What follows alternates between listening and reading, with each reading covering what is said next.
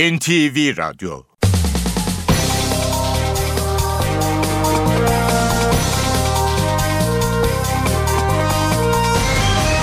İşe Giderken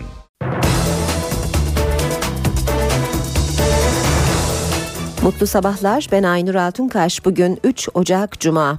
Saat 9'a kadar Türkiye ve dünya gündemine yakından bakacağız. Ayrıntılara geçmeden önce başlıklarla başlayalım.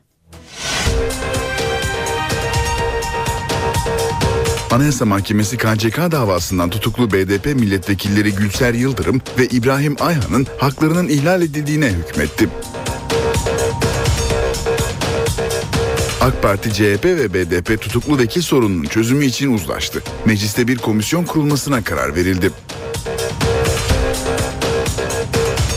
Genelkurmay Başkanlığı, Balyoz ve Ergenekon gibi davalarda orduya kumpas kurulduğu iddiaları için Ankara Cumhuriyet Başsavcılığına başvuruda bulundu. Yargıçlar ve Savcılar Birliği Yarsap, AK Parti Genel Başkan Yardımcısı Mehmet Ali Şahin'in Yargıtay üyesinin bir dosyayı ne yönde karar verileceğini danışmak için Fethullah Gülen'e gönderdiği iddiasını yargıya taşıdı. Ankara Cumhuriyet Başsavcılığı soruşturma başlattı. Cumhurbaşkanı Abdullah Gül ve Türkiye Barolar Birliği Başkanı Metin Feyzioğlu Çankaya Köşkü'nde sürpriz bir görüşme gerçekleştirdi. Tam gün yasa tasarısı Meclis Genel Kurulu'nda kabul edildi. Profesör ve doçent doktorlar mesai saatleri dışında özel hastane ve vakıf üniversitesi hastanelerinde çalışabilecek, iş yeri hekimliği yapabilecek. Muğla'nın Bodrum ilçesinde şiddetli yağmur su baskınlarına neden oldu. Amerika Birleşik Devletleri kar ve tipiyle mücadele ediyor. 22 eyalette alarm durumuna geçildi. Yüzlerce okul tatil edildi. Bazı kentlerde hava ulaşımı durdu. İşe giderken gazetelerin gündemi.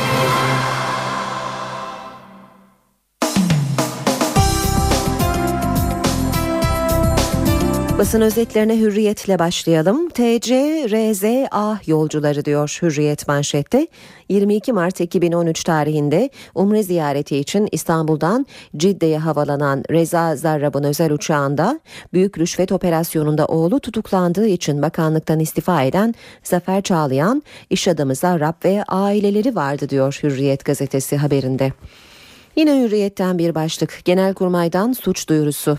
Genelkurmay Başkanlığı Türk Silahlı Kuvvetleri mensuplarının yargılandığı davalar hakkında orduya kumpas kurularak suç delilleri üretildiği iddiasını Ankara Başsavcılığına iletti. Necdet Özel tek kelime etmedi başlığını da hürriyette görüyoruz. Anayasa Mahkemesi Başkanı Haşim Kılıç'a Genelkurmay'daki yemeği ve Milli Orduya kumpas iddiasının konuşulup konuşulmadığını sordum diyor Taha Akyol ve şu yanıtı aldığını söylüyor. Genelkurmay Başkanı Sayın Özel yargıçlarla bunları konuşmamak gerektiğini takdir edecek nezakettedir. Tek kelime etmedi. Milliyete bakalım. Tırın yükü devlet sırrı diyor Milliyet manşette. Hatay'da ihbarla durdurulan tırda arama yapılamadı. Savcılar tutanağa MIT personeli malzemelerin devlet sırrı olduğunu beyan etti diye yazdı. Suriye'ye yardım malzemesi görünümünde silah taşıdığı ihbar edilen tır Kırıkan ilçesinde jandarma tarafından durduruldu. Kırıkan savcılarının tutanağına göre devamında şunlar yaşandı. Eskort aracındakiler MIT personeli olduklarını, tırdaki malzemenin de devlet sırrı olduğunu beyan etti. Bunun üzerine terörle mücadele kanunuyla görevli Adana savcısı Özcan Şişman'a haber verildi. Olay yerindeki yetkili ilçe jandarma komutanı yüzbaşıyı telefonla arayan İl Alay komutanı kolluk görevlilerini geri çek dedi. Yüzbaşı emir yetkisi savcı da yanıtını verdi. Ardından Hatay Valiliği yazılı talimatlı aracın ve MIT personelinin bırakılmasını istedi. Bunun üzerine araç yola çıktı. Savcı Şişman'ın talimatıyla tekrar durduruldu. Sonrasında Kırıkan savcıları bölgeden ayrıldı. Milliyetten yine aktaralım Silivri günlüğü diyor sürmanşeti Milliyet'in. İlker Başbuğ dava sürecini yazdı. Ergenekon hükümlüsü eski Genelkurmay Başkanı Başbuğ cezaevi günlerini ve dava sürecini suçlamalara karşı gerçekler adını verdiği 304 sayfalık yeni kitabında anlattı. Yargının, siyasetin ve Türk Silahlı Kuvvetleri'nin bu dönemde sınıfta kaldığını yazan Başbuğ kendisine yöneltilen suçlamanın terör örgütü kurma ve yönetme olduğunu duyunca dünyasının karardığını yazdı. Milliyetten yine okuyalım. Şantiyede esaret 75 Türk işçi Irak'ta iki ateş arasında. Irak'ın Ramadi şehrinde Pikaron firmasının şantiyesinde çalışan 75 Türk işçi güvenlik güçleri ve aşiretlerle El-Kaide çatışmasının ortasında mahsur kaldı. Seslerini Twitter'dan duyuran işçiler seken kurşunların konteynerlerine isabet ettiğini belirtti. Dışişleri yetkilileri ise şantiyedekilerle temas ettiklerini ancak bir operasyon düşünülmediğini açıkladı. Dolardan 2014'de rekorlu merhaba diyor Milliyet. Ülke gündemindeki yüksek tansiyon ve yurt dışındaki talep artışı dolara yine rekor kırdırdı. Yılın ilk işlem gününde 2.18.90'a çıkan doların yanı sıra İstanbul borsası da %1,2'lik düşüş yaşadı diyor Milliyet haberinde. Sabahla devam ediyoruz. Hakimler ve Savcılar Yüksek Kurulu'na tepeden tırnağa neşter diyor sabah manşette. Adli kolluk açıklamasıyla suç işleyen ve tarafsızlığını yitiren Hakimler ve Savcılar Yüksek Kurulu yeniden yapılandırılacak diyor sabah gazetesi. Haberinde işte yeni model HSYK Hakimler Kurulu ve Savcılar Kurulu olarak ikiye ayrılacak. Hakimler 11, savcılarsa 7 üyeden oluşacak. Hakimler Kurulu'ndaki 6 üyeyi Danıştay, Yargıtay ve Kürsü hakimlerinin önereceği isimlerden meclis seçecek. Yeni yapının alacağı bütün kararlar denetlenebilir ve şeffaf olacak. Sabah gazetesinden aktardık. Devam edelim. Cumhuriyet gazetesiyle o tır mitin demiş Cumhuriyet de manşette. Hatay valisi silah yüklü olduğu belirtilen aracın aranmasına izin vermedi diyor gazete. Hatay Kırıkhan'da jandarma tarafından durdurulan tır MIT'in e, çıktı diye ekliyor. Özel yetkili savcı Şişman tırın aranması için jandarmaya emir verdi. Hatay valisi lekesizin tırın aranmaması yoluna devam etmesi talimatı üzerine arama yapılamadı diye de devam ediyor haber. Tırın rotası Suriyeli Türkmenlermiş e, diye bir başlıkta görüyoruz Cumhuriyet gazetesinde. İçişleri Bakanı Efkan Ala gazetecilerin Hatay ile ilgili çelişkili açıklamalar geliyor sözleri üzerine çelişkili açıklama yapılacak bir şey yok orada Türkmenler var onlara götürülen yardım herkes işini bilecek diye konuştu. Yıllar sonra adım. Genelkurmay'dan Türk Silahlı Kuvvetlerine kumpas iddialarına ilişkin suç duyurusu. Genelkurmay Başkanlığı cemaatle kavgalı olan hükümetin açıklamalarının ardından harekete geçti. Balyoz ve Ergenekon gibi askerlerin yargılandığı davalardaki usulsüzlükler için savcılığa yıllar sonra suç duyurusunda bulunuldu. Genelkurmay'ın dilekçesinde suç delilleri üretildi, bilir kişiler manipüle edildi, adli kolluk görev suçu işledi, savcılar delilleri kararttı, mahkeme heyeti adil yargılamayı olumsuz etkiledi gibi suçlamaların yer aldığı belirtildi diyor Cumhuriyet gazetesi haberinde. Radikalle devam edelim. Tır tutanağı diyor Radikal'de manşette. Hatay'da durdurulan tır için Kırıkan Başsavcılığınca yazılan tutanaklarda o gece yaşananlar ayrıntılarıyla anlatılıyor diyor Radikal ve işte o tutanak diye devam ediyor haber. Jandarma komutanlığınca bir tırda kaçak silah taşındığı yönünde istihbari bilgiler alındığı ve durdurulduğu bildirildi. Alınan talimata binaen saat 19'da araçlar durduruldu. Araçtaki şahısların MIT personeli oldukları olduklarını beyan ettikleri ve araç içindeki malzemenin devlet sırrı niteliğinde olduğu, bu nedenle araçta arama yapılamayacağı yönünde beyanat verdikleri diye devam ediyor tutanak. Vekillere tahliye yolu bir diğer başlık radikalde Anayasa Mahkemesi Balbay'da olduğu gibi tutuklu BDP milletvekillerinin de haklarının ihlal edildiğine hükmetti. Karar oy birliğiyle alındı. BDP'den hemen tahliye bekliyoruz açıklaması geldi. 2014'te uzayda trafik yoğun. Kuyruklu Yıldız misyonu, uzay turizmi, Çinli astronotlar, Ay ve Mars'a yeni ziyaretler. Bu yıl uzay maceramız hareketli geçecek diyor Radikal gazetesi. Star'a bakalım. Başarısız dalga tır çalışması diyor Star manşette. Paralel yapılanma bu kez Suriye'ye yardım tırlarına hedef aldı. Suriye Türkmenlerine insani yardım götürürken durdurulan tır İnsani Yardım Vakfı kamyonuyla El-Kaide'ye silah taşınıyor diye haber yapıldı. Türkiye'nin imajını hedef alan girişim valiliğin müdahalesi ve vakfın açıklamasıyla boşa çıktı diyor Star gazetesi haberinde. Devam ediyoruz basın özetlerine işe giderken de Habertürk'e bakalım. Habertürk'te de sür manşet tır Türkmenlere yardım götürüyordu. İçişleri Bakanı Ala Hatay'daki tır için konuştu. Hatay'da yardım malzemesi içinde silah ve mühimmat taşıdığı iddiasıyla durdurulan tır tutanak tutularak yoluna devam etti. İçişleri Bakanı Efkan Ala dün tır tartışmasına noktayı koydu. Az önce de aktarmıştık Efkan Ala'nın açıklamasını. Orada Türkmenler var, onlara götürülen yardım herkes işini bilecek dedi Efkan Ala. Türk Silahlı Kuvvetlerinden kumpas için suç duyurusu diyor Habertürk manşette. Genelkurmay Akdoğan'ın milli orduya kumpas kuruldu sözünü savcılığa taşıdı. Balyoz ve Ergenekon için suç duyurusu yaptı diye de ekliyor. Yine Habertürk'ten bir başlık. Selimiye ve Bozburun'a kıyı istisnası.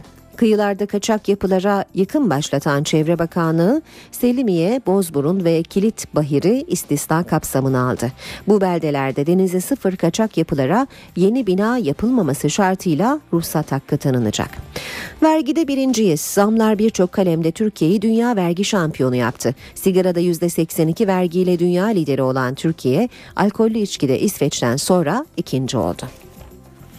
Zaman gazetesine bakalım. Faili meçhul kazısında battaniyeye sarılmış insan kemikleri çıktı diyor Zaman manşette. HADEP yöneticileri Serdar Tanış ve Ebu Bekir Deniz için Mardin'in Dargeçit ilçesindeki mezarlıkta kazı yapıldı. Kazıda battaniyeye sarılmış halde bulunan kemiklerden DNA testi için parçalar alındı. Tanış ve Deniz 2001'de çağrıldıkları jandarma merkezine gitmiş ve bir daha kendilerinden haber alınamamıştı. Yeni Şafak'la bitiriyoruz basın özetlerini. İnsani Yardım Vakfı Başkanı Yıldırım ilk kez açıklamış savcı dosyayla tehdit etti diyor. Yeni Şafak manşette. Bülent Yıldırım İsrail ve yargıdaki cemaat yapılanmasının vakfı hedef aldığını anlatırken çarpıcı bir örnek verdi. Mavi Marmara katliamı için dava açılacağı zaman bu grubun savcıları eğer dosyayı açarsanız İnsani Yardım Vakfı ile ilgili EKD dosyası da açılır dedi. Yargı içinde masaya dosya koyarak tehdit eden savcılar var.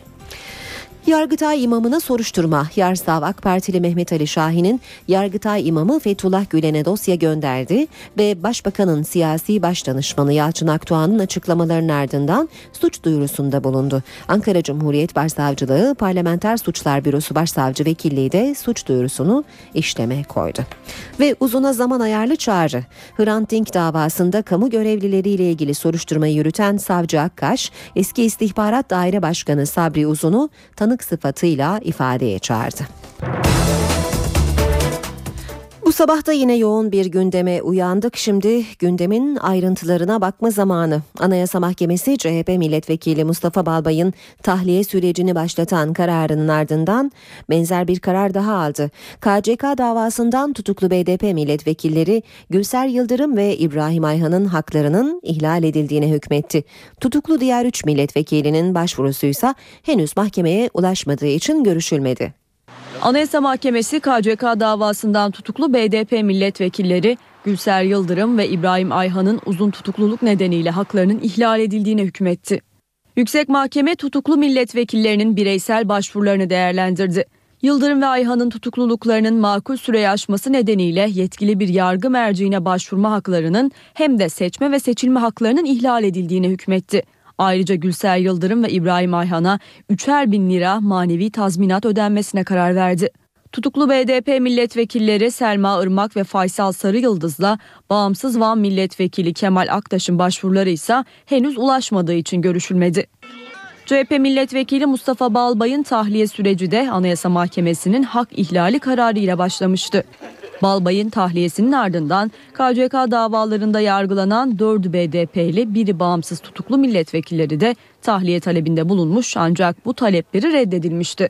Bunun üzerine 5 tutuklu milletvekili uzun tutukluluk süresi ve seçilme hakkının ihlali gerekçesiyle Anayasa Mahkemesi'ne bireysel başvuruda bulunmuştu. Şimdi ise gözler BDP milletvekilleri Gülser Yıldırım ve İbrahim Ayhan'ın KCK davası kapsamında tutuklu yargılandığı Diyarbakır 5. ve 6. Ağır Ceza Mahkemelerinde. Anayasa Mahkemesi BDP'li tutuklu iki vekille iliş vekile ilişkin bu kararı vermeden önce ise mecliste yine bu konuya ilişkin yoğun bir trafik vardı.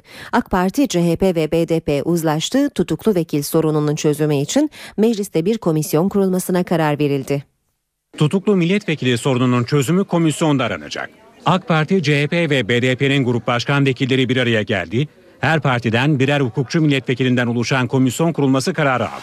Komisyon pazartesi günü toplanacak. Hem yargılamaları devam eden hem de MHP'li Engin Alan ve HDP'li Sebahat Tuncel gibi cezası kesinleşen milletvekilleriyle ilgili kalıcı bir çözüm arayacak.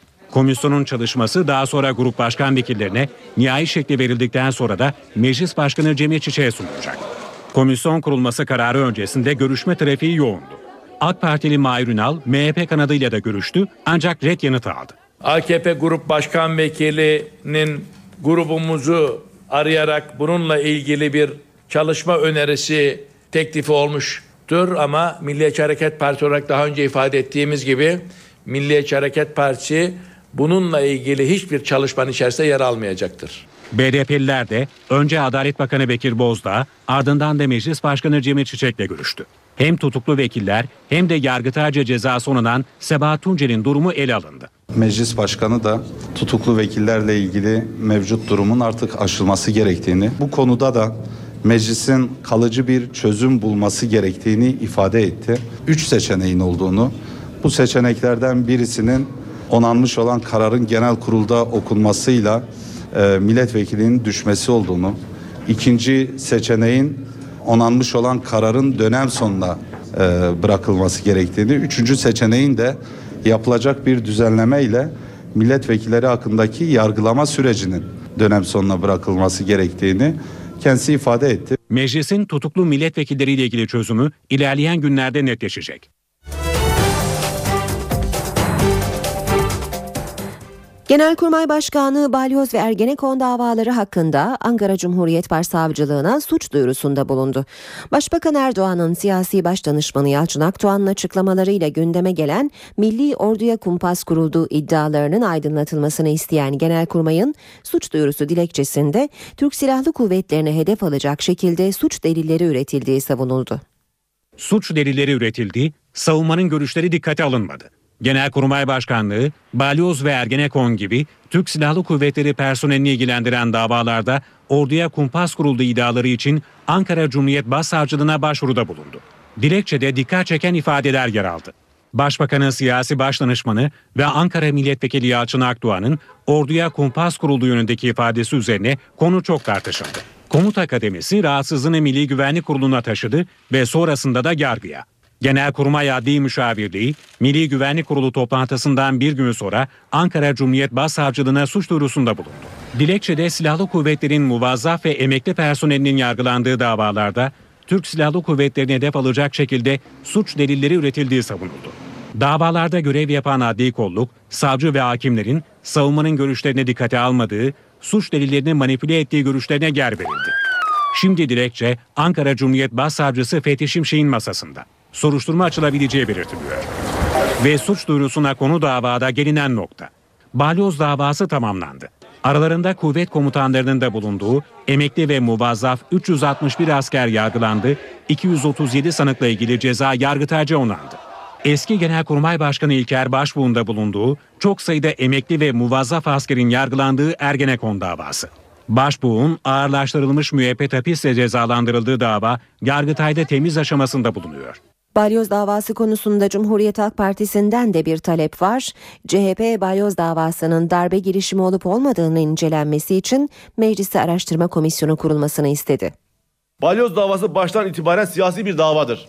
Dolayısıyla çözümü de siyasi olmalıdır. Bu işi yasama organı çözmelidir. Bugün CHP olarak Meclis Araştırma Komisyonu kurulması ile ilgili teklifimizi mecliste sunacağız.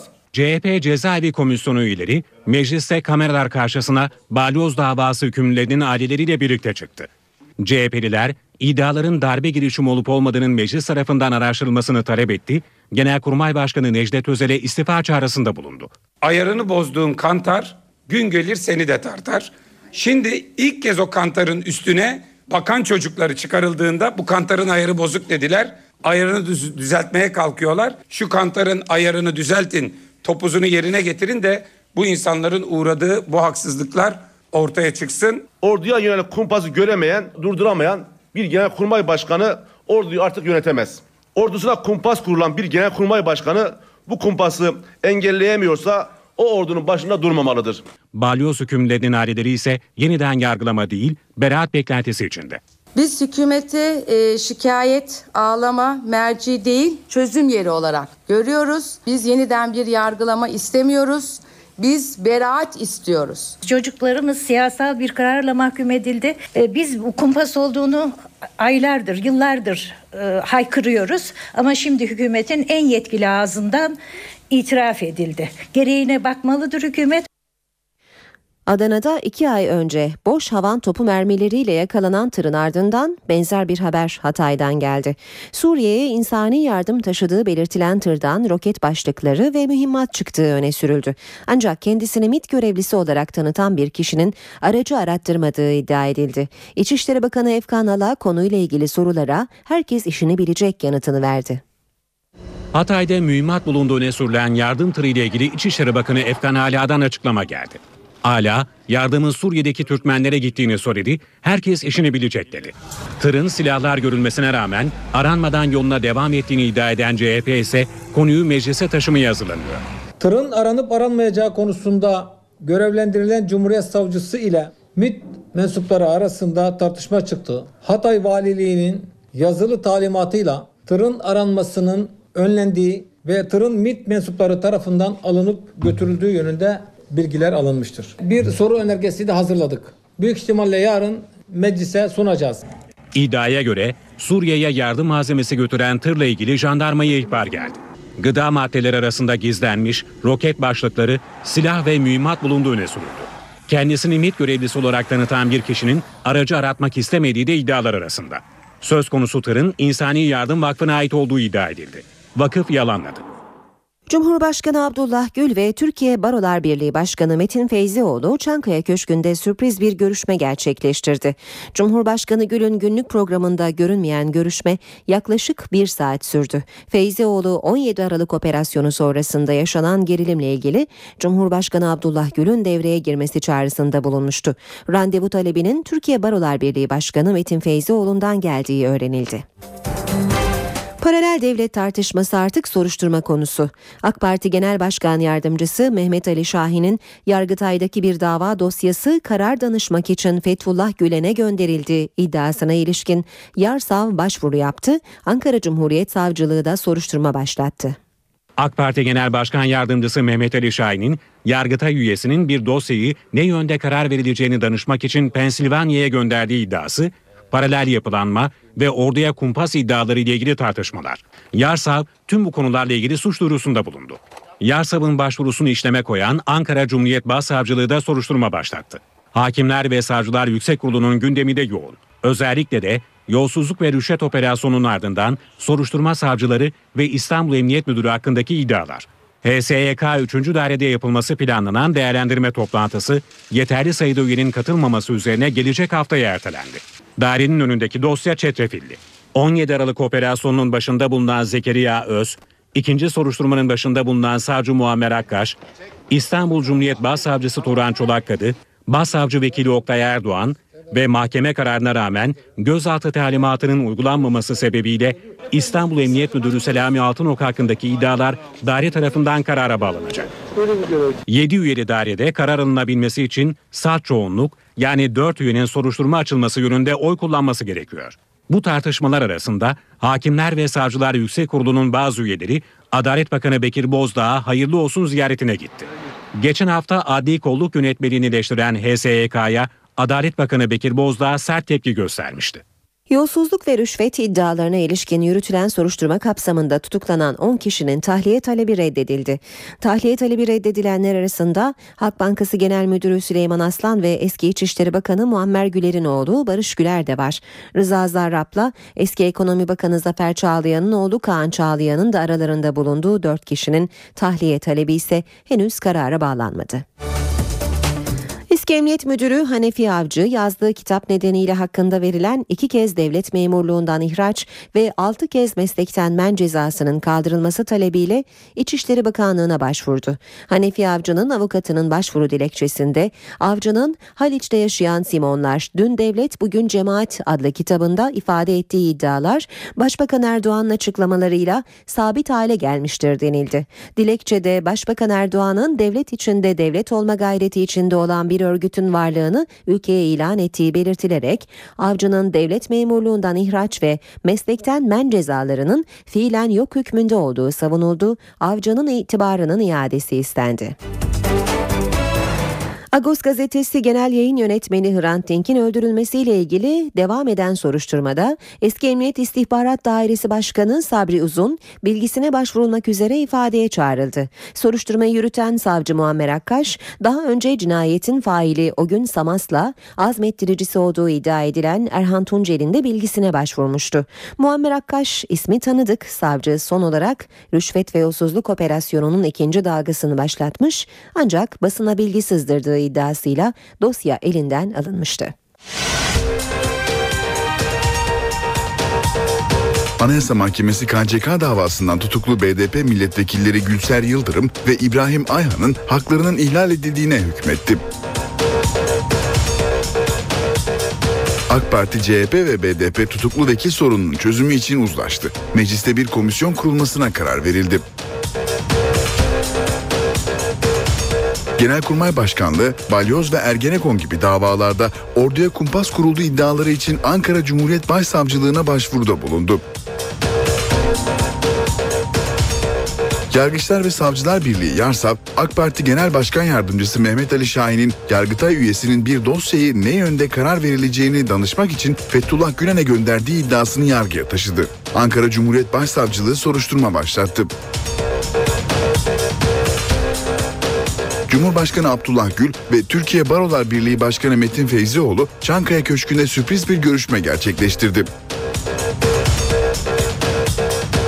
Tam gün yasa tasarısı Meclis Genel Kurulu'nda kabul edildi. Profesör ve doçent doktorlar mesai saatleri dışında özel hastane ve vakıf üniversitesi hastanelerinde çalışabilecek, iş yeri hekimliği yapabilecek. Muğla'nın Bodrum ilçesinde şiddetli yağmur su baskınlarına neden oldu. Amerika Birleşik Devletleri kar ve tipiyle mücadele ediyor. 22 eyalette alarm durumuna geçildi. Yüzlerce okul tatil edildi. Bazı kentlerde hava ulaşımı durdu.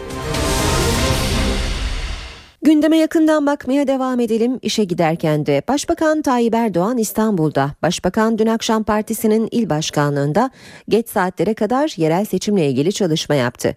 Başbakan Erdoğan'dan önce AK Parti Genel Başkan Yardımcıları Mustafa Şentop, Süleyman Soylu, Erdem, Ekrem Erdem ve Menderes Türel'le AK Parti Kadın Kolları Genel Başkanı Güldal Akşit il binasına gitti.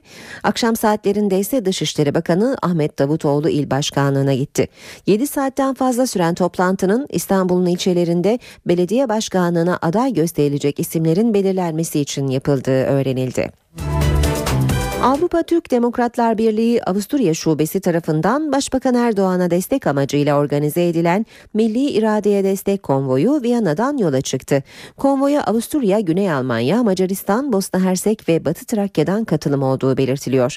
Şube Başkanı Abdurrahman Karayazılı 500 otomobille, 2 otobüsle binlerce Türk vatandaşının Başbakan Erdoğan'a destek amacıyla Türkiye'ye yola çıktığını söyledi. Erdoğan'a destek amacıyla bu etkinliği düzenlediklerini anlatan Karayazılı, güzergahta bulunan Macaristan, Sırbistan ve Bulgaristan'da ayrı ayrı basın açıklamaları yapacaklarını belirtti. Konvoyun bugün akşam saatlerinde Kapıkule sınır kapısına ulaşması bekleniyor.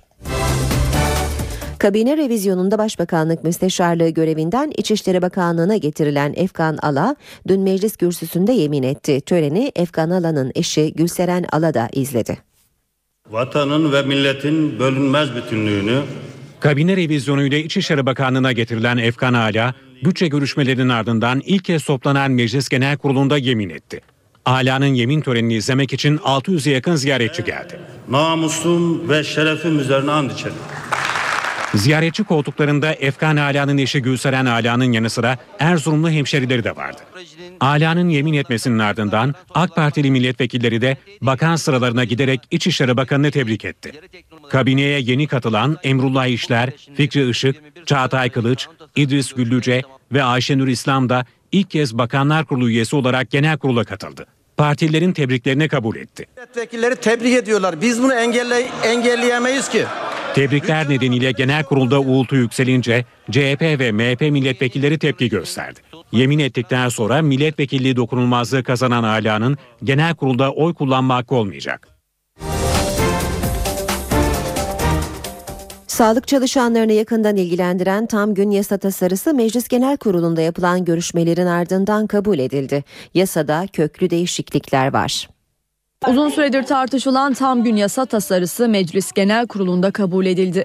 Buna göre profesör ve doçentler mesai saatleri dışında özel hastane ve vakıf üniversitesi hastanelerinde çalışabilecek. Kamuda çalışan doktorlar yine mesai dışında iş yeri hekimliği yapabilecek. GATA'da da sözleşmeli profesör ve doçent çalıştırılabilecek. Aile hekimleri ve aile sağlığı elemanları ayda asgari 8 saat nöbet tutacak. Sağlık personeli mesai saatleri dışında da hastane ya da sağlık kuruluşuna çağrılabilecek. Yoğun bakım, acil servis ve 112'de çalışanlara %50 daha fazla mesai ücreti ödenecek. Torba yasada ilaç satışı ve eczanelerle ilgili düzenlemeler de yer alıyor. Buna göre internet ortamında ilaç satışı yapılamayacak. Eczaneler adına internet sitesi açılamayacak. Ve sağlıkta şiddet. Meclis Genel Kurulu'nda kabul edilen yasayla sağlık çalışanlarına şiddet uygulayanlara verilen cezalar artacak. Sağlıkçıları kasten yaralama suçu tutuklanma gerekçesi olacak. Kamuoyunda tam gün olarak bilinen torba yasa organ nakli konusunda da önemli düzenlemeler içeriyor. Buna göre kornea gibi dokular aksine vasiyet belirtilmediği takdirde onaya ihtiyaç duyulmadan alınabilecek. Yasayla ebelik eğitimi de lisans seviyesine çıkarılacak. Düzenleme ile birlikte artık sünneti sadece doktorlar yapabilecek.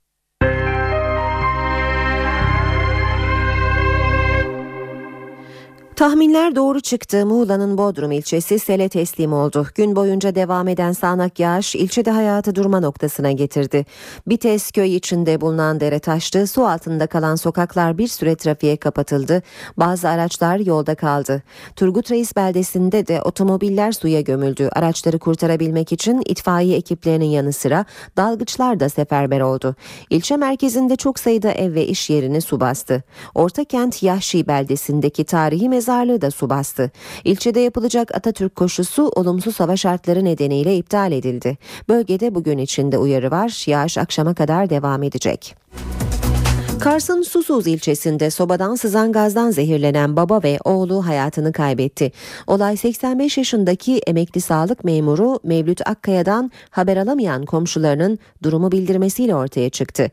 Eve giren ekipler Mevlüt Akkaya ile oğlu emekli öğretmen Kemal Akkaya'nın cansız bedenini buldu. Cenazeler Erzurum Adli Tıp Kurumu'na gönderildi.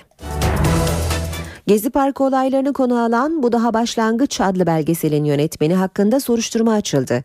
Yönetmen Serkan Koç'un başbakana hakaret, halkı kin ve düşmanlığa tahrik etmek suçlamasıyla İstanbul'da basın savcısına ifade verdiği öğrenildi. Koç adliye çıkışında bir basın açıklaması yaptı. Bu belgeseli yasakladığınız zaman, heykel yapan insanın heykelini kestiğiniz zaman, müzik yapan insanı hapse attığınız zaman bu ülkede kim düşünecek diye konuştu. Erzurum'da iki öğrenci grubu arasında kavga çıktı. Olaya polis müdahale etti. Atatürk Üniversitesi'nde bir grup öğrenci öğle saatlerinde çıkan kavgada 5 arkadaşlarının yargılandığı gerekçesiyle yürüyüş yaptı. Karşıt görüşlü öğrenciler tepki gösterince arbede çıktı. Olay taşlı sopalı kavgaya dönüştü. Çevik kuvvet ekipleri öğrencileri biber gazı ve basınçlı suyla dağıttı. Tekrar kavga çıkmaması için okul içinde güvenlik önlemi alındı. İstanbul Sultan Gazi'de bir eve giren hırsız hamile kadının bileğini keserek bileziklerini çaldı. Dün akşam saatlerinde 18 yaşındaki Ebru Kardeş yeni mahalledeki evlerinin zilinin çalması üzerine kapıyı açtı.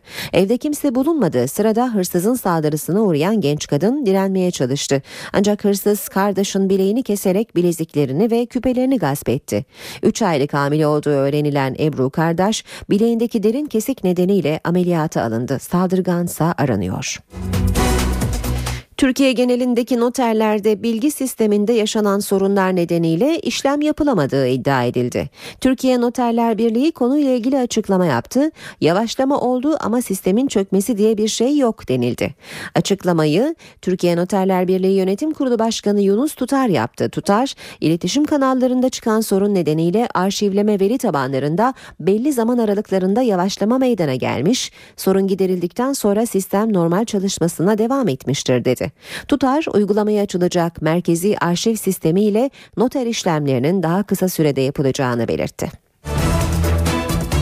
İşçi, işveren, hükümet taraflar defalarca toplandı, aylarca tartışıldı ancak kıdem tazminatında sonuca ulaşılamadı. Çalışma ve Sosyal Güvenlik Bakanı Faruk Çelik, taraflar cesur bir adım atamadığı için kıdem tazminatı ile ilgili çalışmanın başka bahara kaldığını söyledi. Tarafların bu konuya yaklaşımını bir araya getirmede zorlandık. Bundan dolayı yeni bir bahara e, kalmış bulunuyor. Uzun süre tartışıldı ancak sonuç alınamadı. Kıdem tazminatı ile ilgili çalışma rafa kaldırıldı. Aslında işçinin lehine bir düzenleme. Fakat e, bu ta, kıdem tazminatı konusu bir slogan olarak, bir kavram olarak kamuoyunda farklı yerleştiği için e, bu konuda e, bir cesur adım ne yazık ki taraflar tarafından atılamadı. Anadolu Ajansı editör masasına katılan Çalışma ve Sosyal Güvenlik Bakanı Faruk Çelik, çalışma hayatındaki son gelişmeleri değerlendirdi. Ekonomi yönetimi olarak asgari ücretin kamudaki algısını değiştirmek için bir araya geleceklerini anlattı. Bundan aşağısı teklif edilemez e, ücretidir. Bu cumartesi günü bir kez daha ilgili ekonomi bakanlarımızla bir araya geleceğiz ve bunun bir geçim ücreti değil, bunun e, bir koruma ücreti olduğunu, sosyal koruma ücreti olduğunu çerçevesinde olaylara yaklaşacağız. Neden toplu sözleşme farkı şeye yansıtılmasın? Ee, bu taşeron işçiye yansıtılmasın? Bir örnek diyor söylüyorum mesela. Bakan Çelik, iş sağlığı ve güvenliği yasasıyla iş kazalarının azaldığına dikkat çekti. 100 bin işçide 17 diyebiliriz. 17 işçi hayatımızı kaybederken şimdi 100 bin işçide 7 işçimiz hayatını kaybediyor. Artık nerede bir iş kazası varsa, nerede bir ölüm varsa bildirmek zorunda. Bunlar hastaneler tarafından, sağlık kuruluşları tarafından bizzat bildiriliyor. Siirt'te yüksek kalitede petrol bulunan kuyuda üretim başladı. Eruh'a bağlı ba- Bayıryüzü köyünde yüksek kalitede petrol bulunmasının ardından sondaj çalışmaları tamamlandı. Petrol kuyusunda üretime geçildi. Siirt valisi Ahmet Aydın rezerv miktarına göre ikinci bir kuyunun daha açılabileceğini söyledi. Kuyudan günde ortalama 200 varil ham petrol çıkması bekleniyor. Kuzey Irak'tan Türkiye'ye petrol sevki başladı. Petrol bu ay dünya piyasalarına gönderilebilir. Açıklama Enerji ve Tabi Kaynaklar Bakanı Taner Yıldız'dan geldi. Bu ayın içerisinde Kuzey Irak'tan gelecek petrolün e, inşallah tam bir mutabakat sağlanarak dünya piyasalarına sunulmasını bu ay içerisinde gerçekleştiririz diye e, umuyorum. Kuzey Irak petrolü dünya piyasalarına sevk edilecek. Ama sevkiyattan önce Ceyhan'da depolanmaya başlandı bile. Önce 300 bin varilden başlıyoruz. Kademeli olarak arttırıyoruz arkadaşlar. Enerji Bakanı Taner Yıldız 2013 yılını değerlendirdiği bir toplantı düzenledi. Toplantıda 17 Aralık operasyonu sonrasında merkezi Irak hükümetinin aracı bankanın Halkbank olması konusunda bir çekincesi var mı sorusunu da yanıtladı. Herhangi bir sıkıntı öngörmüyoruz dedi. Yıldız, Amerika Birleşik Devletleri'nden de Halkbank konusunda hükümete bir rahatsızlık iletilmediğini söyledi. Şimdi biz 3.3 milyar dolarlık altın ihracatı yapmışız 2013 yılında. Halk Bankası'nın sanki bir e, gayri resmi muhasebe sistemi var da oradan aktarılıyormuşçasına gösterilmesini çok ama çok yanlış bu durum. Çok ciddi bir haksızlık olarak da görürüm. Hangi dürüst çalışan bürokratımıza, hangi e, dürüst çalışan bir yapıya karşı yıpratma kampanyası düzenleniyorsa bununla alakalı bizim karşı davalarımız tabii ki olacak. Ama tekraren söylüyorum herhangi bir usulsüz, e, usulsüzlüğe karışmış, herhangi bir yolsuzluğa karışmış hiçbir elemanımıza acımayız arkadaşlar. Taner Yıldız, Fatih Belediyesi'ne ait trafo yerinin Türgev Vakfı'na devredildiği iddialarını da yalanladı. TEDAŞ'a verildi dedi. Doğalgaza zam yapmamak için direniyoruz diyen Yıldız, İran gazında son dönemde günlük 8 milyon metreküplük kesinti olduğunu söyledi. İşe giderken gazetelerin gündemi.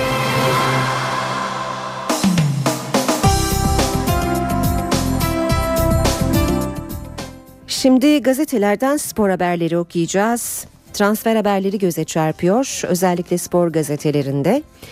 AMK gazetesi Kagawa Savaşı diyor manşetinde Galatasaray ve Fenerbahçe Japon yıldız için kapışıyor. İngiliz basını Cimbom'la Kanarya'nın Manchester United forması giyen ünlü yıldız Kagawa'nın transferi için karşı karşıya geldiğini yazdı. Bir diğer başlık AMK'de Aslan'da Ceko operasyonu. Galatasaray yönetimi Haziran ayında kadrosuna katmayı planladığı boşnak golcü için şimdiden düğmeye bastı. Hedef Brezilya 2014'te boy gösterecek Manchester City'li Yıldız'ın işini Dünya Kupası başlamadan bitirmek. Fanatik gazetesine bakalım. Fenerbahçe As Başkanı Uslu Başbakan'a bilgi verip yardım istedi. Avrupa ümidimiz var diyor fanatik manşette. Stadın yanındaki Kenan Evren Lisesi'nin arazisi için üzerimize düşeni yaptık ama henüz devir gerçekleşmedi. Banka kuracağı sözleri yanlış anlaşıldı. Azalan gelirleri arttırmak için her türlü projeyi gündeme alıyoruz. Yargıtay'daki şike davası ile ilgili girişimlerimiz var. Seneye tekrar Avrupa'ya gitmeyi ümit ediyoruz. Fenerbahçe Genel Sekreteri Mahmut Uslu, Başbakan Erdoğan'la yaptığı görüşmenin perde arkasını yazıyor Fanatik gazetesi. Kıran kırana Roni pazarlığı bir diğer başlık. Beşiktaş'ta gündem Ronaldinho. Yılbaşından bu yana İstanbul'da olan Yıldız'ın abi ve menajeri Asis'le dün kaldığı otelde yeni bir görüşme yapıldı. Başkan Fikret Orman dört koldan sponsor arıyor. Taraftarın beklediği müjdenin çok yakın olduğu konuşuluyor. Yine bir başlık fanatikten Asturi Floria yolunda Sao Paulo Rodolfo için yapılan kiralama teklifini kabul etmedi. Rota yine İtalya'ya çevrildi. Mancini'nin okey verdiği oyuncu için Cagliari ile pazarlık başladı. Geçelim Fotomaç gazetesine. Balotelli Galatasaray'a geliyor. Milan'ın sahibine ait televizyon kanalı resmen açıkladı. Berlusconi'nin patronu olduğu Mediaset kanalı Milan'ın satış listesine koyduğu çılgın golcünün Galatasaray yolunda olduğunu duyurdu. Yine bir Ronaldinho haberi Ronaldinho haftaya İstanbul'da başlığıyla vermiş fotomaç. Beşiktaşlı yöneticilerle bugün bir kez daha görüşecek olan Ronaldinho'nun menajeri ve abiyi Asis, yıldız futbolcuyu İstanbul'a getirmeyi planlıyor diyor e, Fanat, e, Fotomaç gazetesi de. Yine bir diğer başlık Fener kamplı aldı alıyor. Red Bull Salzburg'un maestrosu Kampf'ın menajeri Fenerbahçeli yetkililer Salzburg Avusturya Viyen maçında Kampf'ı izlemek için Avusturya'ya geldi dedi. Milliyet gazetesine bakalım. Spor sayfalarından başlıklar aktaralım. Başbakanla diyalog kuruldu. Mahmut Uslu Dolmabahçe'deki zirveyi anlatmış. Fanatik'ten de aktarmıştık az önce. Fenerbahçe yöneticisi 2 saatlik toplantının olumlu geçtiğini söyledi. 8-10 tane konu görüştük. Belki bu görüşmenin sporla olan kısmı %10'dur. Çünkü Fenerbahçe kulübünün bin tane şeyi var. Ama sonuç olarak başbakanla diyalog kuruldu diyebiliriz ifadelerini kullandı. Bir ihtimal daha mı var? Kas'ın gerekçeli kararının 5 ayı geçmesine rağmen henüz kulübe ulaşmaması Fenerbahçe'de beklentileri arttırdı. Yönetici Ömer Temelli'nin de Twitter üzerinden gelecek yıl Avrupa'da oynayabileceklerini belirtmesi taraftarı heyecanlandırdı. Gole giden transfer, golleri ve asistleriyle toplamda 13 gole direkt etki eden Emenike Süper Lig'e bu sezon başında gelen oyuncular arasında gol yollarının en etkili ismi oldu diyor Milliyet haberinde. Tek rapor okumadım. Merkez Hakem Kurulu Başkanı Zekeriya Alp ilk yarıyı değerlendirip çarpıcı mesajlar verdi diyor Milliyet. Alp Kasımpaşa Beşiktaş maçının raporunun değiştirildiği iddiasına sert çıktı. İki yıldır tek bir hakem raporu görmedim, görmek de istemedim. Bunu ne ben ne de kuruldaki diğer arkadaşlarım isteyebilir. Hakem kendisine verilen şifreyle sisteme girer, raporunu yazar ve gönderir. Üzerinde bir değişiklik yapılması asla söz konusu olamaz. Bu iddiaları okumaktan yoruldum ifadelerini kullandı. Milliyetten aktarmaya devam edelim. Aslan bitiremedi. Furkan'dan yoksun sahaya çıkan Bon suyu sakat sakat oynatan Galatasaray Top 16'nın ilk maçında Makabi'yi ağırladı. Maçı uzun süre önde götüren sarı kırmızılı ekip son çeyrekte savunmada aksayınca ikinci tura yenilgiyle başladı. Skor 84-90. Hürriyet gazetesine çevirelim. Fenerbahçe anlattı, başbakan dinledi. Başlığını görüyoruz Hürriyet gazetesinde de. 3 Temmuz sonrası Recep Tayyip Erdoğan'la ilk temas gerçekleşti diye yazıyor Hürriyet gazetesi. Konuşulmadık hiçbir şey kalmadı ifadesini de görüyoruz. Mahmut Uslu ve Rıdvan Dilmen'in Erdoğan'la yaptığı toplantıda sürpriz bir konuk daha vardı. Futbol Federasyonu yöneticisi Servet Yardımcı Sarı Lacivertler Başbakan'a son gelişmeleri aktardı deniyor haberde. NTV Radyo Günaydın herkese yeniden. Ben Aynur Altunkaş. İşe giderken de birlikteyiz. Gökhan Abur'la birazdan son hava tahminlerini konuşacağız. Ege ve Akdeniz'de kuvvetli yağış e, bugün için risk oluşturabilir. Daha ayrıntılı bilgileri ondan alacağız. Önce gündemdeki başlıkları hatırlayalım. Anayasa Mahkemesi KCK davasından tutuklu BDP milletvekilleri Gülser Yıldırım ve İbrahim Ayhan'ın haklarının ihlal edildiğine hükmetti.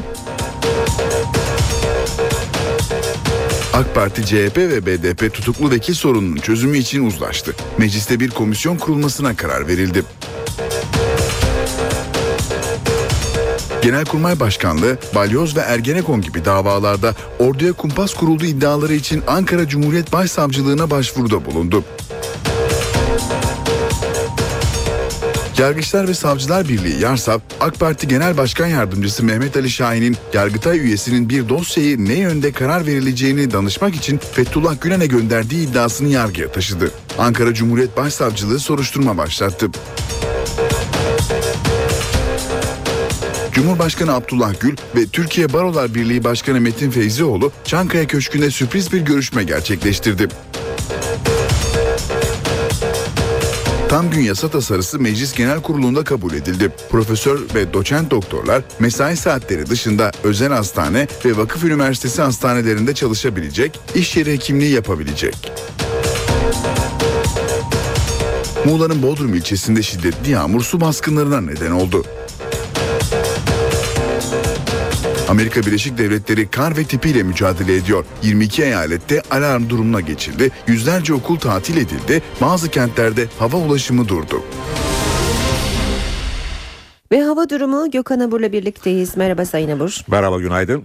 Muğla'da beklendiği gibi yağış kuvvetli oldu ve sel ve su baskınlarına sebep oldu. Bugün de bazı bölgelerde yine kuvvetli yağış beklentisi var. Nedir tahminleriniz? Evet e, çok derin olmayan bir alçak basınç var güneyde. Dolayısıyla e, Ege kıyılarında yağış devam ediyor aralıklarla şu anda etkili. Ayvalık'tan başlayıp da güneye kadar yağış var. Yine bugün biz e, biraz evvel bahsettiğiniz gibi bu, bu kez Antalya'da başta olmak üzere Akdeniz bölgemizde yağışların daha kuvvetli olmasını bekliyoruz ki şu an itibariyle zaten yağışlar sağanak yağmur şeklinde devam ediyor. Önümüzdeki saatler içinde etkisini arttıracak ve bu yağışların özellikle e, Finike, Fethiye, Kemer, Antalya, Mersin arasındaki bölgede gün içinde daha da kuvvetlenmesini bekliyoruz. İç kesimlerde de çok hafif yağışlar var ki yarın Akdeniz'de yağışlar aralıklarla devam edecek. Ee, Pazar günü ise ülke genelinde yağış beklemiyoruz. Yağış görülmeyecek ama iç kesimlerde de yarın hafif de olsa bir yağış geçişleri var. Ee, ülkemiz aslına bakarsanız e, Ocak ayının bu ilk günlerinde mevsim ortalamaları civarında olan sıcaklıklar ve yağışlarla birlikte Karadeniz bölgemizde çok kurak bir dönem geçiyoruz. Karadeniz bölgemizde önümüzdeki günlerde de yağış yok. Belki önümüzdeki haftanın ikinci yarısı Karadeniz bölgemiz yeniden yağışlı havanın etkisi altına girecek. Çünkü yalnız Karadeniz'de değil İç Anadolu'da ve Doğu'da da yağışların yeteri kadar olmaması baraj seviyelerini düşürüyor. Gerek sulama barajları gerekse enerji barajlarında düşüşler var. İstanbul'daki baraj seviyeleri şu anda %35'lerde mutlaka ve mutlaka e, kar yağışının gelmesi lazım.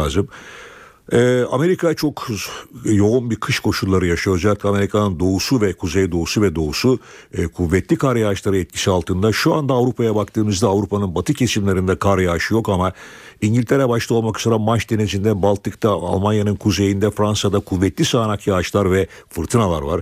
Bunlar etkisini sürdürecek. Ee, Ve bu Amerika'daki çok soğuk bizim e, Sinyor Sibirya diye de isimlendirebileceğimiz Sibirya kökenli Artik hava dediğimiz çok soğuk havanın bu haftanın daha sonra önümüzdeki haftanın ortasından itibaren Kuzey Avrupa'yı da etkisi altına almasını bekliyoruz. Bu sistem Avrupa'yı etkisi altına aldıktan sonra da çok büyük olasılıkta Ocak ayının ikinci yarısı yani ayın 15'inden sonra Trakya'dan başlayarak ülkemizin de batı kesimlerine etkisi altına alabilecek gibi gözüküyor şu an itibariyle. Ama ee, pazar günü yağış yok. Önümüzdeki hafta içinde ilk günlerde yine yağış yok. Poyraz zaman zaman sert etse de e, yine önemli bir meteorolojik olay beklemiyoruz bugünkü yağışlar dışında. Ama Poyraz'ın bir özelliği var. Soğuk esmesinden dolayı hissedilen sıcaklıkları düşürecek. O bakımdan şu anda İstanbul'da hava sıcaklığı 8 derece ama sıkı giyinmeden çıkmayın. Çünkü hissedeceğin sıcaklık şu anda İstanbul'da 4 derece civarında olacak. Ankara merkezde 0 ama Ankara Etimesut civarında Esenboğa'da eksi 2 derecelik bir sıcaklık var. Orada da e, rüzgar çok kuvvetli değil. İzmir'de ise Körfez'de pus devam ediyor. Sıcaklık 9 derece. Çok bulutlu bir hava var. Hafif de olsa yağış İzmir'in güney ilçelerinde etkisini sürdürmeye gün boyu devam edecek. Akşamsa giderek etkisini kaybedecek. Hı hı. Bizleri bekleyen koşullar genelde bugün için böyle. Gökhan Abur teşekkürler. İşe giderken gazetelerin gündemi.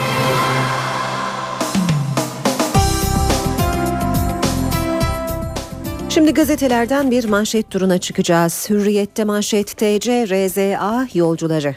22 Mart 2013 tarihinde Umre ziyareti için İstanbul'dan Cidde'ye havalanan Reza Zarrab'ın özel uçağında büyük rüşvet operasyonunda oğlu tutuklandığı için bakanlıktan istifa eden Zafer Çağlayan, iş adamı Zarrab ve aileleri vardı deniyor haberde.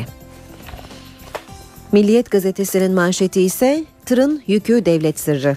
Hatay'da ihbarla durdurulan tırda arama yapılamadı. Savcılar tutanağa MIT personeli malzemelerin devlet sırrı olduğunu beyan etti diye yazdı. Sürmanşette Silivri günlüğü başlığı var. İlker Başbuğ dava sürecini yazdı. Ergenekon hükümlüsü eski Genelkurmay Başkanı Başbuğ cezaevi günlerini ve dava sürecini suçlamalara karşı gerçekler adını verdiği 304 sayfalık yeni kitabında anlattı.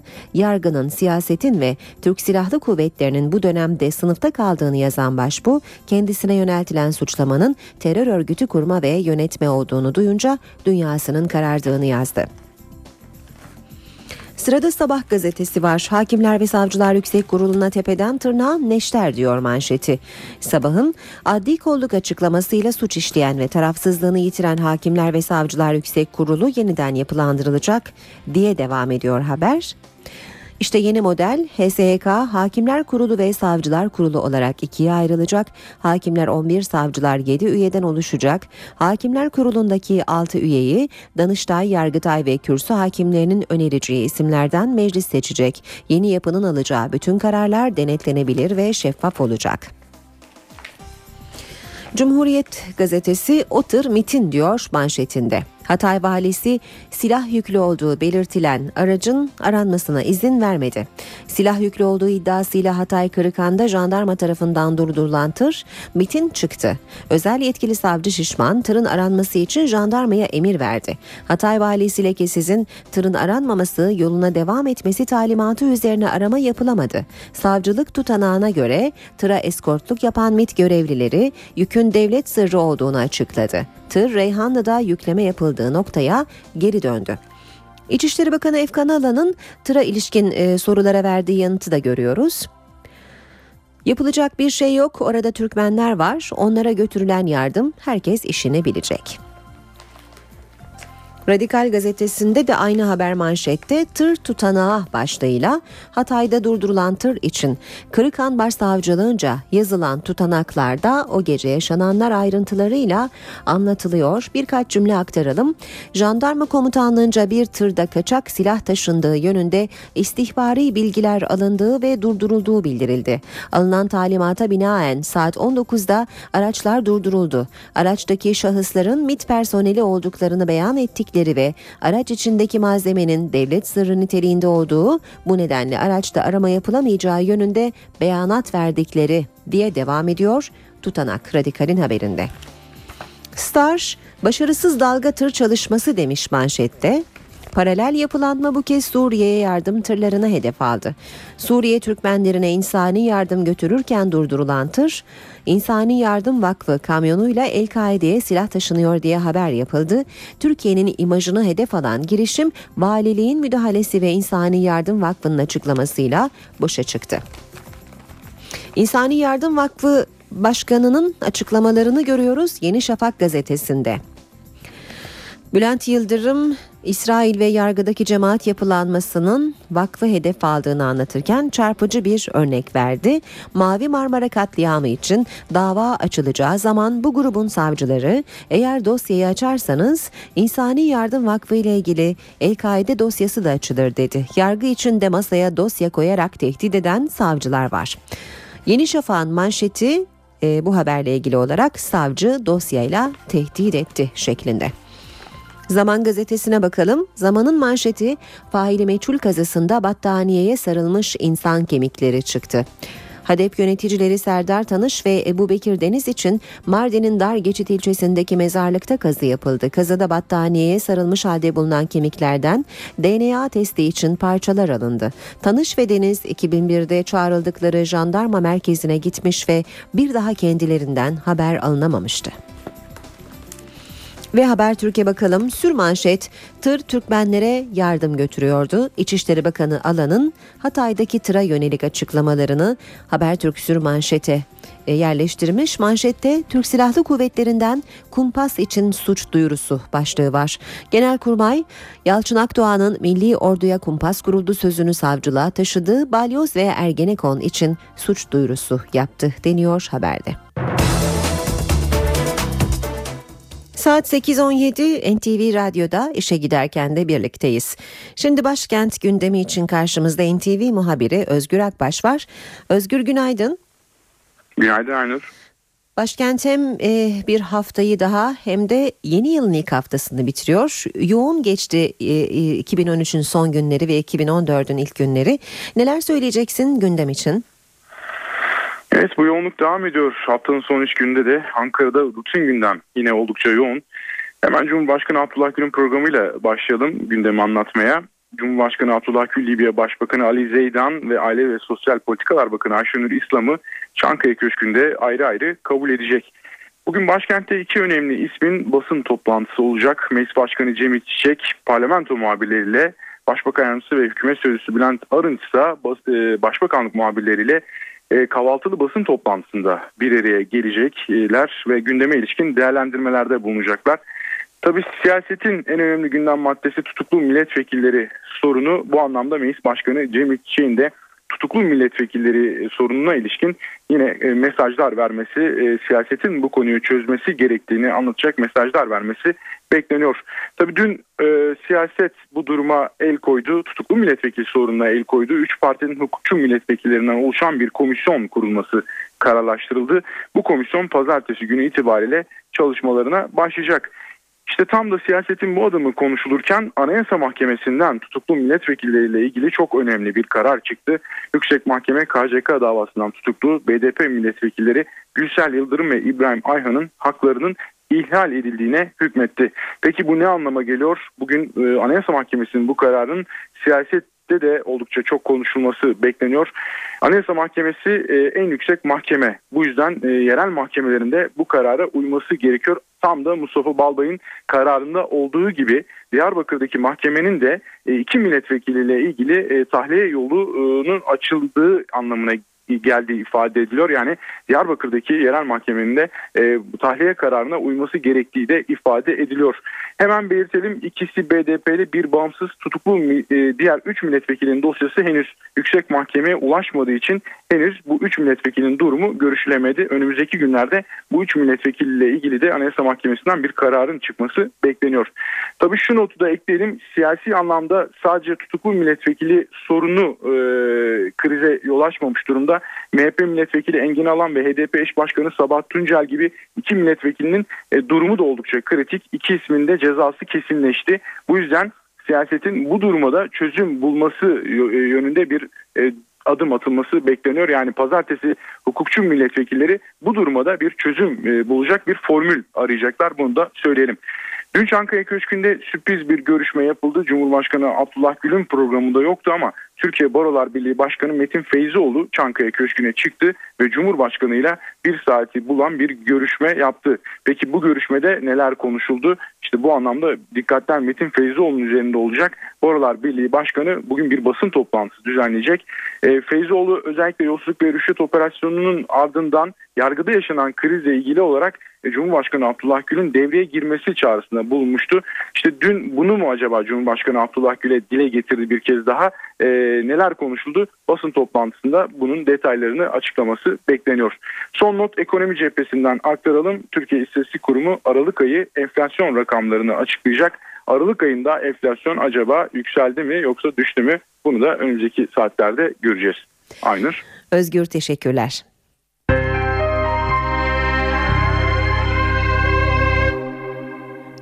Gündemdeki gelişmelere yakından bakmaya e, devam edelim. Saat 8.21 Anayasa Mahkemesi CHP Milletvekili Mustafa Balbay'ın tahliye sürecini başlatan kararının ardından benzer bir karar daha aldı. KCK davasından tutuklu BDP milletvekilleri Gülser Yıldırım ve İbrahim Ayhan'ın haklarının ihlal edildiğine hükmetti. Tutuklu diğer 3 milletvekilinin başvurusuysa henüz mahkemeye ulaşmadığı için görüşülmedi. Anayasa Mahkemesi KCK davasından tutuklu BDP milletvekilleri Gülser Yıldırım ve İbrahim Ayhan'ın uzun tutukluluk nedeniyle haklarının ihlal edildiğine hükmetti. Yüksek Mahkeme tutuklu milletvekillerinin bireysel başvurularını değerlendirdi. Yıldırım ve Ayhan'ın tutukluluklarının makul süreyi aşması nedeniyle yetkili bir yargı merciine başvurma haklarının hem de seçme ve seçilme haklarının ihlal edildiğine hükmetti. Ayrıca Gülser Yıldırım ve İbrahim Ayhan'a üçer bin lira manevi tazminat ödenmesine karar verdi. Tutuklu BDP milletvekilleri Selma Irmak ve Faysal Sarı Yıldız'la bağımsız Van milletvekili Kemal Aktaş'ın başvuruları ise henüz ulaşmadığı için görüşülmedi. CHP milletvekili Mustafa Balbay'ın tahliye süreci de Anayasa Mahkemesi'nin hak ihlali kararıyla başlamıştı.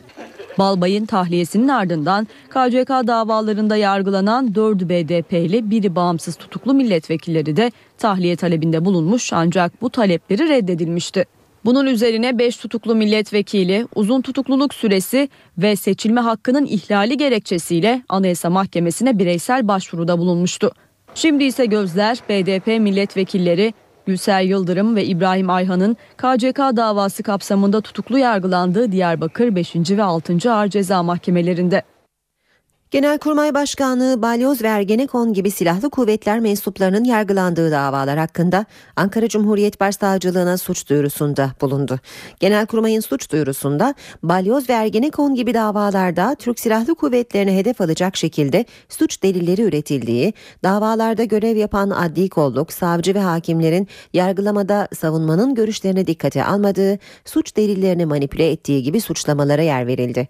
Suç duyurusu dilekçesini inceleyen Ankara Cumhuriyet Başsavcılığının iddialarla ilgili soruşturma başlatması bekleniyor. Paralel devlet tartışması artık soruşturma konusu. AK Parti Genel Başkan Yardımcısı Mehmet Ali Şahin'in Yargıtay'daki bir dava dosyası karar danışmak için Fethullah Gülen'e gönderildi iddiasına ilişkin Yarsav, Yarsav başvuru yaptı. Ankara Cumhuriyet Savcılığı da soruşturma başlattı.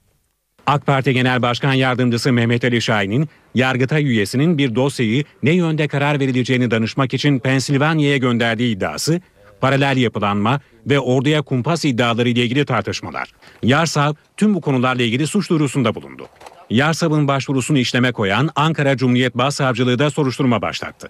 Hakimler ve Savcılar Yüksek Kurulu'nun gündemi de yoğun. Özellikle de yolsuzluk ve rüşvet operasyonunun ardından soruşturma savcıları ve İstanbul Emniyet Müdürü hakkındaki iddialar.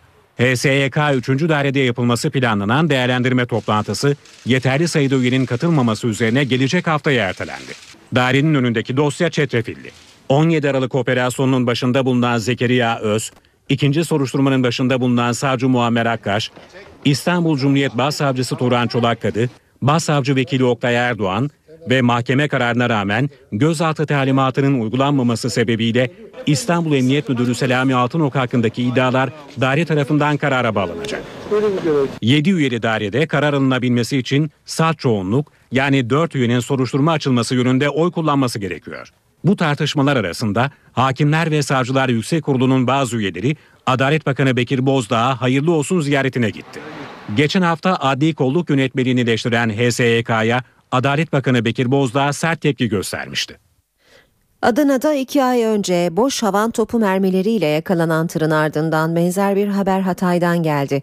Suriye'ye insani yardım taşıdığı belirtilen tırdan roket başlıkları ve mühimmat çıktığı öne sürüldü. Ancak kendisini MIT görevlisi olarak tanıtan bir kişinin aracı arattırmadığı iddia edildi. İçişleri Bakanı Efkan Ala konuyla ilgili sorulara herkes işini bilecek yanıtını verdi. Hatay'da mühimmat bulunduğu öne sürülen yardım tırı ile ilgili İçişleri Bakanı Efkan Ala'dan açıklama geldi. Ala, yardımın Suriye'deki Türkmenlere gittiğini söyledi, herkes işini bilecek dedi. Tırın silahlar görülmesine rağmen aranmadan yoluna devam ettiğini iddia eden CHP ise konuyu meclise taşımaya hazırlanıyor. Tırın aranıp aranmayacağı konusunda görevlendirilen Cumhuriyet Savcısı ile MİT mensupları arasında tartışma çıktı. Hatay Valiliği'nin yazılı talimatıyla tırın aranmasının önlendiği ve tırın MİT mensupları tarafından alınıp götürüldüğü yönünde bilgiler alınmıştır. Bir soru önergesi de hazırladık. Büyük ihtimalle yarın meclise sunacağız. İddiaya göre Suriye'ye yardım malzemesi götüren tırla ilgili jandarmaya ihbar geldi. Gıda maddeleri arasında gizlenmiş roket başlıkları, silah ve mühimmat bulunduğu öne sürüldü. Kendisini MİT görevlisi olarak tanıtan bir kişinin aracı aratmak istemediği de iddialar arasında. Söz konusu tırın İnsani Yardım Vakfı'na ait olduğu iddia edildi. Vakıf yalanladı.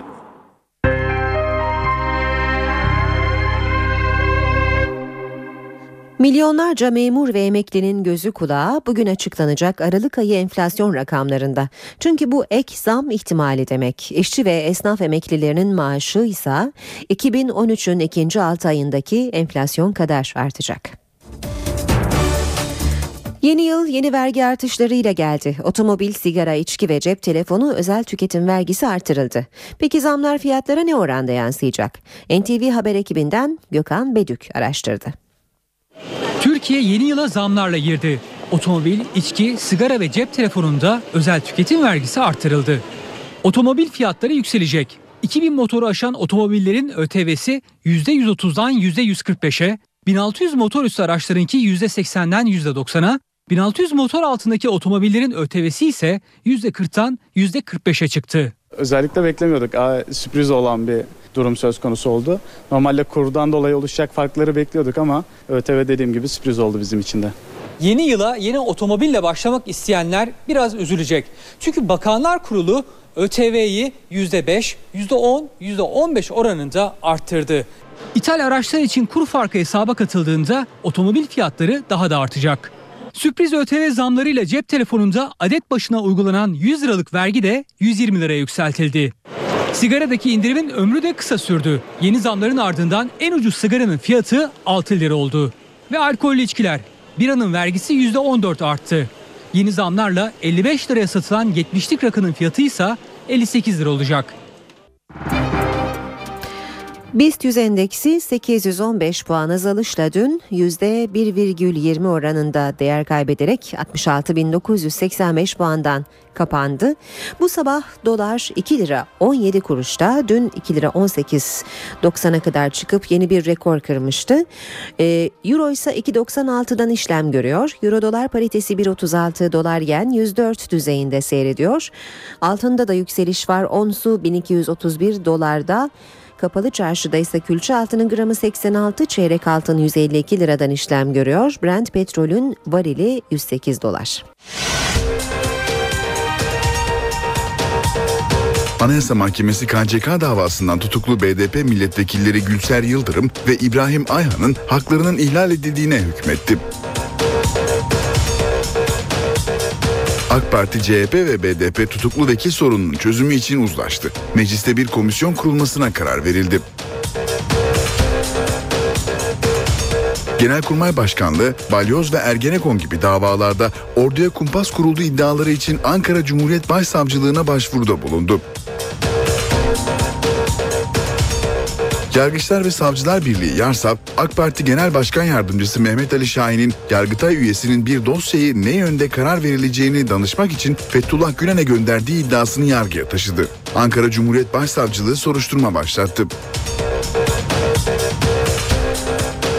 Cumhurbaşkanı Abdullah Gül ve Türkiye Barolar Birliği Başkanı Metin Feyzioğlu Çankaya Köşkü'nde sürpriz bir görüşme gerçekleştirdi. Tam gün yasa tasarısı Meclis Genel Kurulu'nda kabul edildi. Profesör ve doçent doktorlar mesai saatleri dışında özel hastane ve vakıf üniversitesi hastanelerinde çalışabilecek, iş yeri hekimliği yapabilecek. Muğla'nın Bodrum ilçesinde şiddetli yağmur su baskınlarına neden oldu. Amerika Birleşik Devletleri kar ve tipiyle mücadele ediyor. 22 eyalette alarm durumuna geçildi. Yüzlerce okul tatil edildi. Bazı kentlerde hava ulaşımı durdu.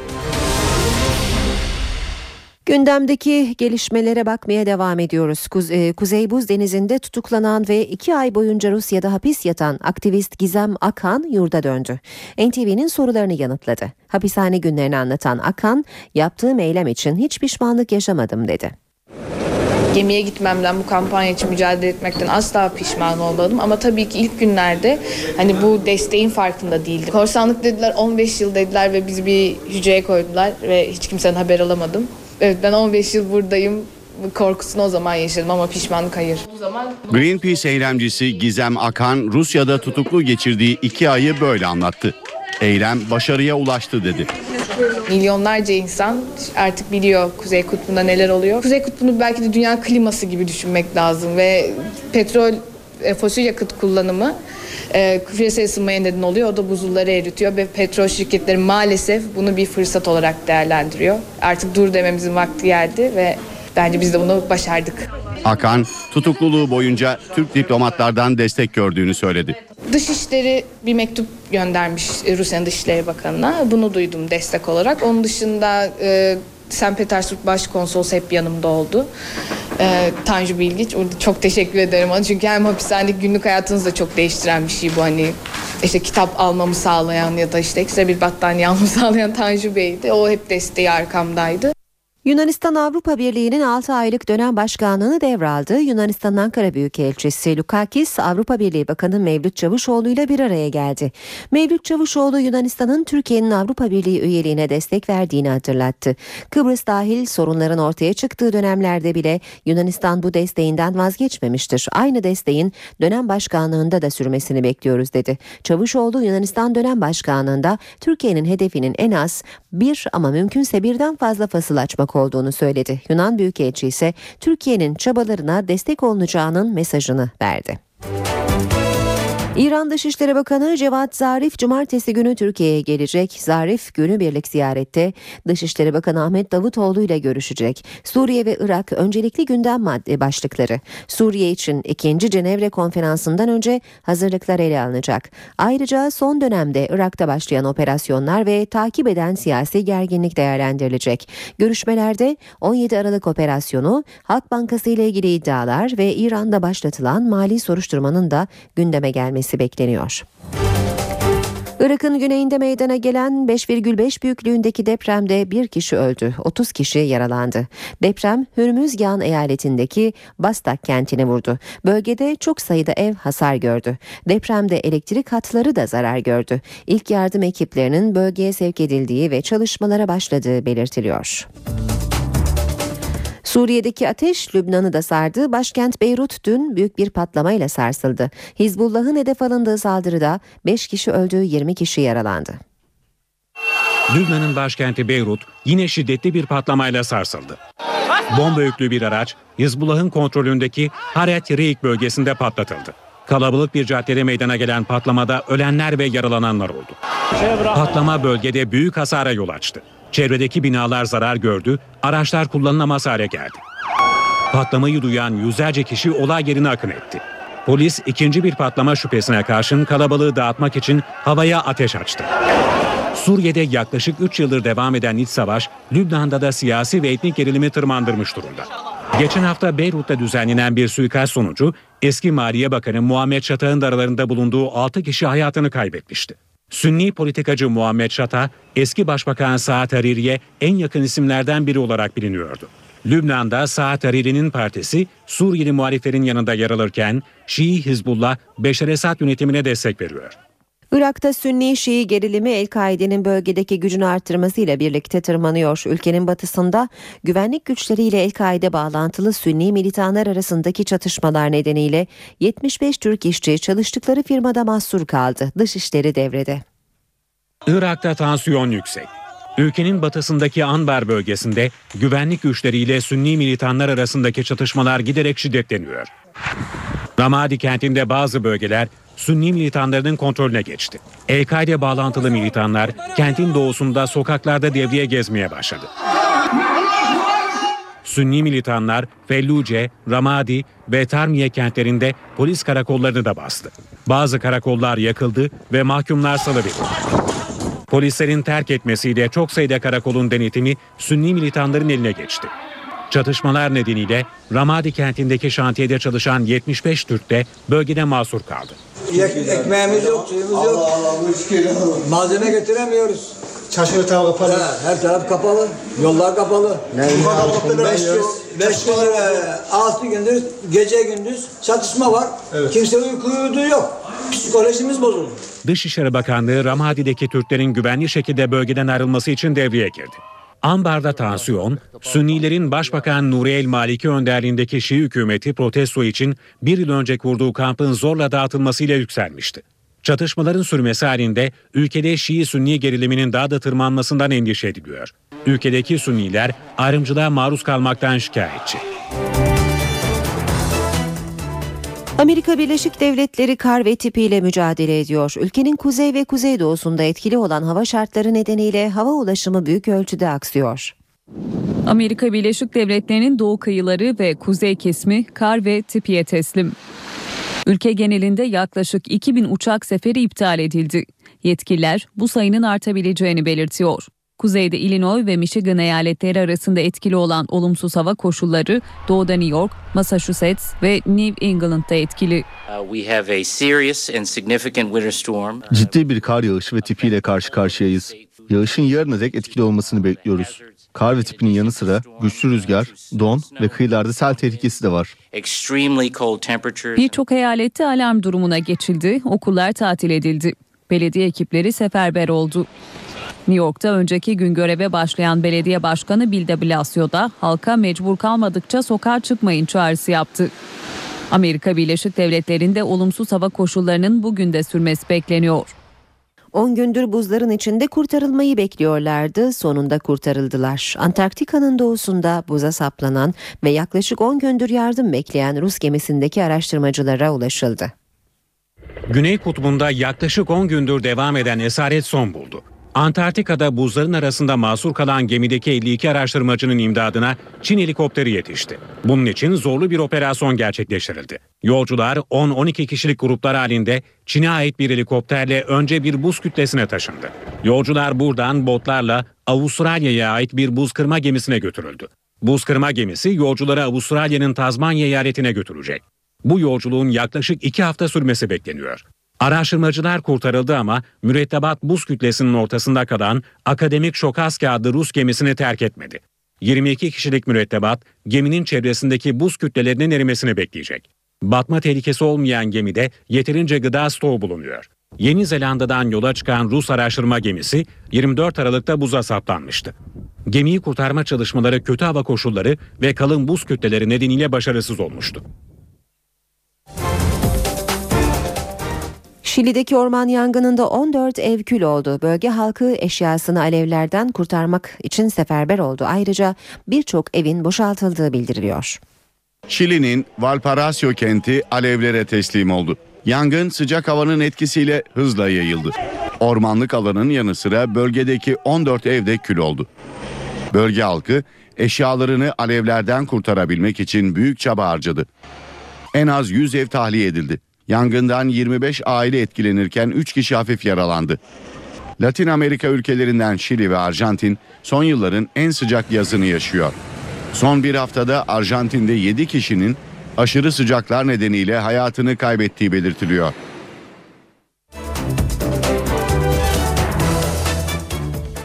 Kayak yaparken kaza geçiren eski Formula 1 şampiyonu Michael Schumacher hala komada. Ünlü yarışçının yaşam savaşı kadar kazanın nasıl meydana geldiği de merak konusu. Fransa'daki Meribel Kayak Merkezi'nde kaza geçiren Alman Formula 1 şampiyonu Michael Schumacher'in durumu ciddiyetini koruyor. İlk günlerde Schumacher'in sağlık durumuna odaklanan medya şimdi kazanın oluş nedenini araştırıyor. Tartışmayı başlatan isim Schumacher'in basın sözcüsü Sabine Keim. Keim, Normal parkur üzerinde kayak yapan Schumacher'in pist dışında düşen bir arkadaşına yardım etmek isterken kaza yaptığını söyledi. Kaza ile ilgili soruşturmayı yürüten Albertville Cumhuriyet Savcılığı ise kazanın Schumacher'in basın sözcüsünün iddia ettiği gibi hıza bağlı olmadığı konusunda henüz görüş belirtemeyeceğini söylüyor. Schumacher'in kaskı da bir başka tartışma konusu. Birçok uzman kaskın şok anında kırılmış olmasını sorguluyor. Bu arada bir medya mensubunun rahip kılığına girerek Schumacher'in tedavi gördüğü Grenoble Hastanesi yoğun bakım bölümüne girmek isterken yakalanmasının ardından medya mensupları hastane kapısının önünden uzaklaştırıldı.